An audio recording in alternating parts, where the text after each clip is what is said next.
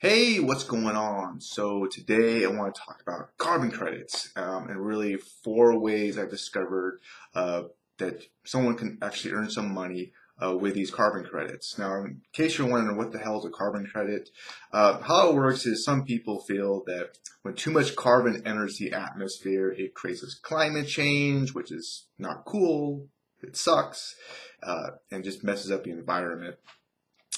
And it's very hard for a business to completely eliminate their carbon footprint. So what they do is they pay people to save the environment through these carbon credits. Okay. And here's the thing. If a, if a business reduces its carbon footprint, then it's rewarded by saving money on these carbon credits. So incentivizes businesses to do that. And this whole program incentivizes people to save the environment by giving them these carbon credits that they can trade on these exchanges and well everybody wins including the environment which is great okay? Now the first way that you can somebody can actually earn money with these carbon credits is through a, a land that actually has some trees on it. Now i know what you're thinking like oh i got a backyard. I got a couple trees. I can make some money well, here's the thing. A lot of these programs are pretty strict on the requirements. A lot of them actually require a, lot of acres of land. But, but, I did find one uh, that seems really interesting that actually says there's no acre minimum and, and, there's really no fees to kind of get started with them. Now, realistically, you probably need some land, um, but it's worth checking out if you do have a little bit of land with some trees in it that you can actually make money. Yeah, you can make money from your trees, all right? Now, there's another program uh, which I've actually heard actually from forums that they actually pay even more money, but you need to have at least 30 acres of land. And there's also all these all these other programs that need that require even more acres of land. Okay, so it's worth checking out.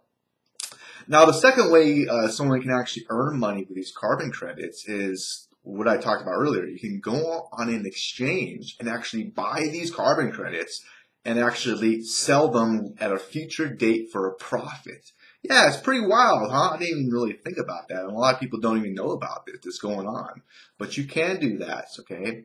And that's the second way. The third way is actually to invest in a fund that deals with these carbon credits. And there's a few out there. One that I looked at that looked pretty interesting was the KraneShares Global Carbon ETF. Okay. Uh, I don't know why it's named that. Uh, it's called KRBN for short and it's a new fund. But what's really wild about this is this this the price of this fund has been skyrocketing, skyrocketing straight up since it got started. So it's worth, uh, you know, at least taking a glance at. I think. Okay, so that's the third way. Uh, the fourth way, which is a little bit wild, I actually discovered this way a, a long time ago. I was listening to some weird podcast and has to do with old refrigerators. Believe it or not, see these old refrigerators they actually have something called Freon in them. And this Freon is not great for the environment if it gets, if too much of it gets released and stuff. So there's a way that you can find these old refrigerators and actually recycle them, get these carbon credits, and then go on the exchange and trade the carbon credits for some cash.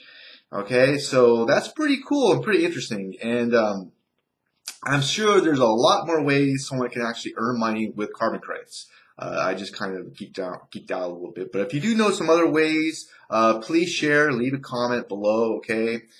Uh, now, if you're wondering, well, how do I do all these four ways that you're talking about, like with land and the exchange and everything? I actually created a whole blog post about it. I kind of you know, there's a bunch of links and stuff, so it kind of made kind of convenient, easy for you. You can, you're welcome to check that out. Uh, you just click that link below or go to trustthelink.com.